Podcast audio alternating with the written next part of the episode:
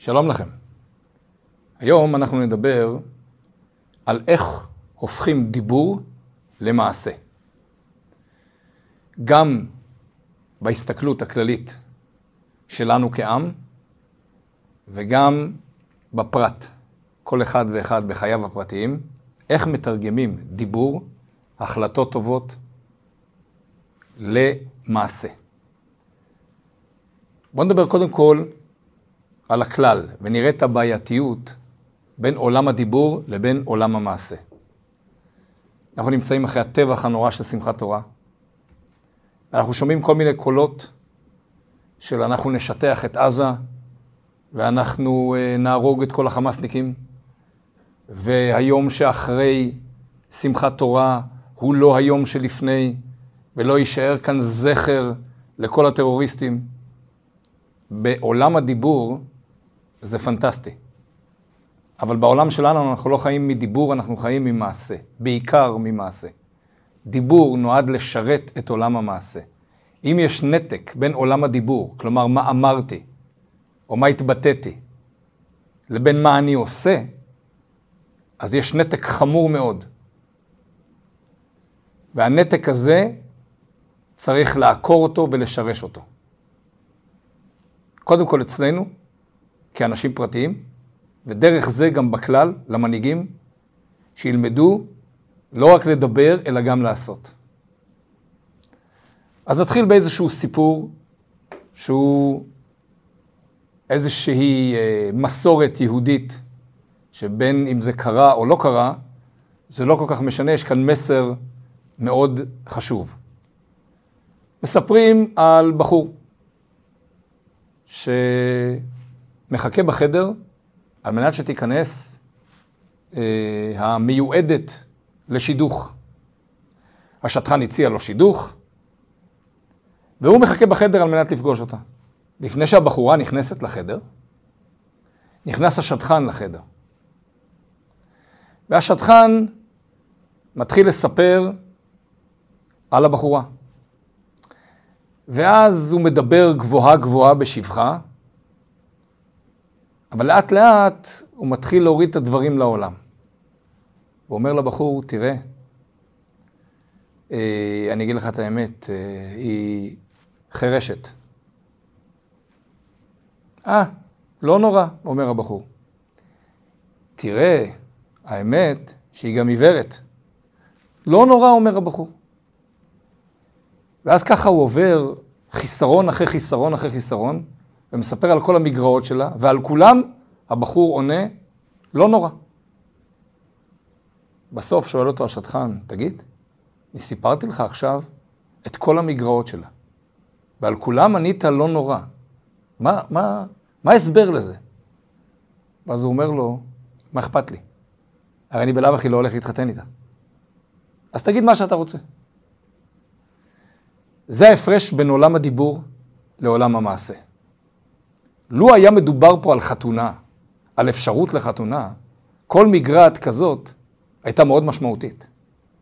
היה בה כדי אולי לגרום לבחור לחשוב מחדש או להתחרט, אבל כיוון שהוא לא מתכוון להביא את זה לעולם המעשה, לא כל כך אכפת לו מה הוא אומר. לא נורא, כן נורא, זה ממש לא משנה.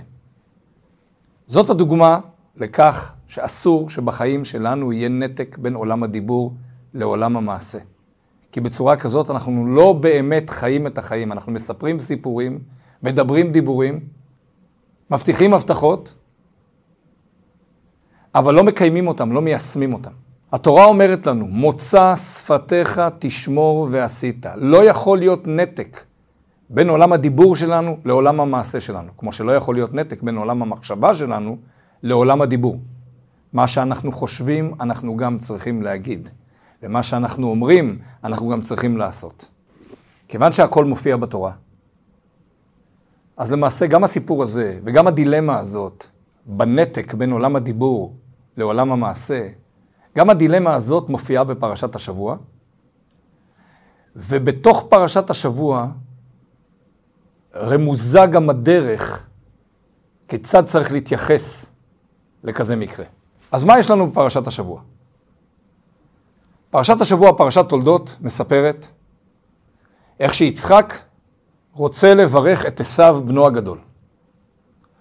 ואומר לו, תצא אל השדה, תצוד ציד, תביא אותו, תעשה מטעמים, ואני אברך אותך לפני מותי. רבקה, אשתו של יצחק, אומרת ליעקב בנה, אני אעשה מטעמים לאבא שלך, כמו שהוא אוהב, ואתה תקבל את הברכות. אומר לה יעקב, אבל אולי אבא ימשש אותי, ויראה שאני איש חלק, ועשו הוא איש שעיר. ואז הוא יחשוב, אולי אני מתעתע אותו, ובמקום ברכה, אני אקבל קללה. אומרת לו רבקה, עליי קללתך בני, אל תדאג, הכל יסתדר. באמת היא עושה מטעמים, ומלבישה על אה, חלקת צווארו של יעקב ועל ידיו את הפרוות של עשיו. נכנס יעקב בתור עשיו לקבל את הברכות, ואבא שלו שומע את הקול, קול יעקב, אבל הוא ממשש את הידיים ורואה שהידיים ידי עשיו. מה עושה יצחק אבינו בדילמה הזאת? 50-50. יש כאן ידיים של עשיו, קול של יעקב. יצחק מכריע שמי שעומד מולו כרגע זה עשיו. והראיה שהוא מברך אותו והוא רצה לברך את עשיו. אבל למה? הכל קול יעקב, 50-50. למה להכריע שהאיש שעומד מולך הוא עשיו, אולי האיש שעומד מולך הוא יעקב? האיש שעומד מולך הוא עשיו ויש לך בעיה עם הקול שלו, יכולת להחליט גם הפוך, שהאיש שעומד מולך הוא יעקב ויש לך בעיה עם הידיים שלו. אומר יצחק ליעקב, אם אתה, אם הידיים שלך הם ידי עשיו, אם עולם המעשה שלך הוא עולם של עשיו, עולם הדיבור שלך לא משנה. כי מה שקובע בעולם זה איך נראות הידיים שלך, איך נראה המעשה שלך. מה שפחות קובע בעולם הזה, זה איך נשמע הדיבור שלך. ולכן אתה מוגדר עשיו כי הידיים שלך הם ידי עשיו. ומכאן הוראה ברורה לכולנו. אנחנו נמדדים בעולם המעשה. אנחנו נמדדים בכמה אנחנו נבצע את כל מה שאנחנו אומרים הלכה למעשה. בכמה המדינאים שלנו, שמבטיחים הבטחות גבוהה גבוהה, יורידו את זה לעולם המעשה, ויעמדו נגד לחץ מבפנים ולחץ מבחוץ, ויהיו עקביים עם ההחלטות שלהם, וישמעו באמת את הרצון של העם בעולם המעשה, כלומר יתרגמו את זה למה הצבא עושה בשטח. אחרת, אחרת אנחנו נישאר בעולם הדיבור. בעולם הדיבור לא יכול להביא ניצחון. אז מה עושים עם הדילמה הזאת? לפחות בחיים הפרטיים שלנו. איך אנחנו מתקנים את הנתק שבעצם קיים אצל כולנו, בין מה שהבטחנו למה שאנחנו מקיימים, בין מה שאמרנו למה שאנחנו עושים. בהרבה הזדמנויות אנחנו חושבים או אומרים לעצמנו או לחברה, הבטחות, מחשבות שאנחנו נתקן את עצמנו, שאנחנו נהיה אחרים. אנחנו מעלים את זה גם על הדיבור. אבל איכשהו, כשזה מגיע לעולם המעשה, לא תמיד זה מקוים. מה עושים כדי להבטיח שעולם הדיבור יתורגם גם לעולם המעשה? אז מעניין, הרבי מלובביץ' דיבר על הדילמה הזאת, ונתן לכך שני פטנטים, שאם אפשר לומר, הוא בעצמו יישם אותם. הפטנט הראשון נקרא פרסום. כשאני לעצמי, גם אם אני מעלה את הדברים על הדיבור, יכול להיות נתק בין עולם הדיבור שלי לעולם המעשה. מפאת כל מיני סיבות. סיבות חיצוניות, סיבות פנימיות, קשיים, יצר הרע. אי עמידה במחויבויות שלי לעצמי או למשפחתי. אבל למרות הקושי, אם אני מפרסם את זה, יותר קל לי לעמוד בהתחייבות. לא בהכרח, זה לא מתמטיקה, זה לא תרגיל בחשבון שאחד ועוד אחד זה שתיים, אבל הרבה יותר קל להתמודד עם עולם המעשה, כשלמעשה כבר פרסמתי את מה שאני אמרתי בדיבור. זאת אומרת, יש עוד עדים להחלטות שלי, יש עוד אנשים שנחשפו למה שאמרתי, ויותר קל לי, לי עצמי, עם ההתמודדות הפנימית שלי, לעמוד בדיבור הזה. יש מושג בהלכה, אמר הרבי, שנקרא נדר על דעת רבים. לכל נדר יש מקום גם להפרה. אבל יש מושג שנקרא נדר על דעת רבים. כלומר, אני מוציא את עצמי מהמשחק. אני נודר נדר, אבל הנדר הוא לא על דעתי, אלא הוא על דעתם של הרבים. והיות ואי אפשר לשאול את כל הרבים, לא קיים כזה דבר, לכן הנדר הוא נדר כזה שאין לו הפרה. אבל בקטן, בחיים שלנו, נדר או אמירה עם פרסום יוצר אובר מחויבות לדבר ויוצר קשר יותר חזק בין עולם הדיבור שלי לעולם המעשה. אז מה זה אומר בחיים?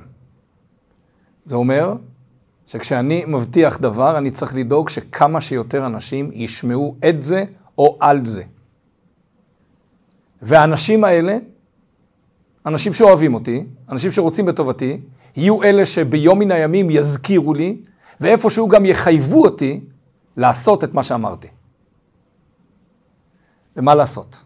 אנחנו בני אדם, ואנחנו מושפעים מלחץ. בטח מלחץ חברתי, ובטח מלחץ של האנשים שיותר קרובים אלינו. ואנחנו יודעים שהם רוצים בטובתנו. הלחץ הזה בסופו של דבר יגרום לי להיות מחויב למה שאני אומר. לתרגם את עולם הדיבור שלי לעולם המעשה. ואני אכן אעשה את הדברים. כמובן, הכל בסייעתא דשמיא, הכל בעזרת השם, אבל לפחות אני לא יפריע לעצמי ליישם בפועל את מה שאני אומר. זה פטנט אחד. הפטנט השני שעליו דיבר הרבי, מדבר על הורדה מיידית לעולם המעשה. ומעניין, הדבר הזה כרוך גם בסיפור מאוד מעניין. פעם אחת, באחת ההתוועדויות, שזה התכנסות של חסידים, עם הרבי, הרבי ביקש דבר מסוים. ודיבר סביבו הרבה, ואמר שזה נצרך וצריך לעשות את הפעולה הטובה הזאת. ההתוועדות הזאת הייתה בשבת. ביום ראשון שאל הרבי את המזכיר שלו, הרב גרונר, מה נעשה בינתיים ממה שדיברתי בשבת? כלומר, האם זה ירד למעשה בפועל? האם, איך, מה, מה הפרטים שנעשו עד עכשיו? הרב גרונר, כמזכיר נאמן, מיד יצר קשר עם יושב ראש צעירי חב"ד בארצות הברית, ושאל אותו, מה נעשה? תעלה על הכתב, מה נעשה עם מה שהרבי אמר עד עכשיו. ויושב ראש צעירי חב"ד, באותה תקופה, כתב על פתק שהם החליטו להתכנס ביום שלישי ולהחליט איך להוריד לעולם את כל הדיבורים שהרבי דיבר, בצורה מסודרת, בצורה מאורגנת, איך ליישם את זה בפועל בעולם. על הפתק הזה, כדרכו, הרבי ענה שורה אחת. הקיף את המילים יום שלישי בעיגול, וכתב מתחתם. והלא עד אז יכלו להפוך את כל ניו יורק וסביבותיה. אני שואל אתכם, ביום ראשון, מיד אחרי שבת, מה נעשה עם מה שדיברתי? ואתם אומרים לי שביום שלישי אתם תשבו ותדברו על זה. מיום ראשון עד יום שלישי זה שלושה ימים, אם לוקחים בחשבון גם את ראשון וגם את שלישי. בשלושה ימים היה אפשר להפוך את כל ניו יורק וסביבותיה. אתם רק תשבו ביום שלישי. מה המשמעות של התשובה הזאת? היא תשובה מאוד מאוד חשובה. כשחשוב לך לעשות משהו, אתה לא מספר שתשב לדון עליו בעוד שלושה ימים או יומיים. אתה עושה אותו עכשיו. אולי לא את כולו, כי יש דברים בלתי אפשריים לעשות אותם בתוך שנייה, אבל אתה מתחיל מיד לתרגם את הדיבור לעולם המעשה. אם עקרת בית תדבר יומיים על זה שהיא צריכה לנקות את הבית לשבת, ולא תפשיל שרוולים, ותתחיל למלא דלי עם חומר מנקה בפנים, ותתחיל לגרוב ולעשות ספונג'ה, מה שנקרא, שום דבר לא יקרה. מדיבורים הבית לא נהיה נקי. את מה שאמרנו, לפחות חלקית, אנחנו חייבים להתחיל לבצע עכשיו. קיבלת על עצמך החלטה טובה, הוספה בצדקה, אמירת קריאת שמע, הנחת תפילין. מיד לך תבצע את זה. היה חסיד גדול, קראו לו הרב שאול ברוק. הוא היה בצעירותו תלמיד בישיבת תומכי תמימים בעיירה לובביץ', המקורית, הראשונה שהייתה. הוא סיפר פעם אמירה מאוד חזקה על איך מורידים את הדברים מיד לעולם. הוא סיפר שכשהם היו בחורים בוגרים בישיבה, הייתה איזושהי חלישות בלימוד. בלימוד התורה בישיבה קצת נחלש משום מה. ישבו ביחד הבחורים היותר בוגרים והחליטו מה אנחנו עושים כדי לקדם את הלימוד בישיבה, שיהיה ברמה יותר גבוהה, יותר אינטנסיבי, עם רעש יותר של לימוד, חיות יותר גדולה.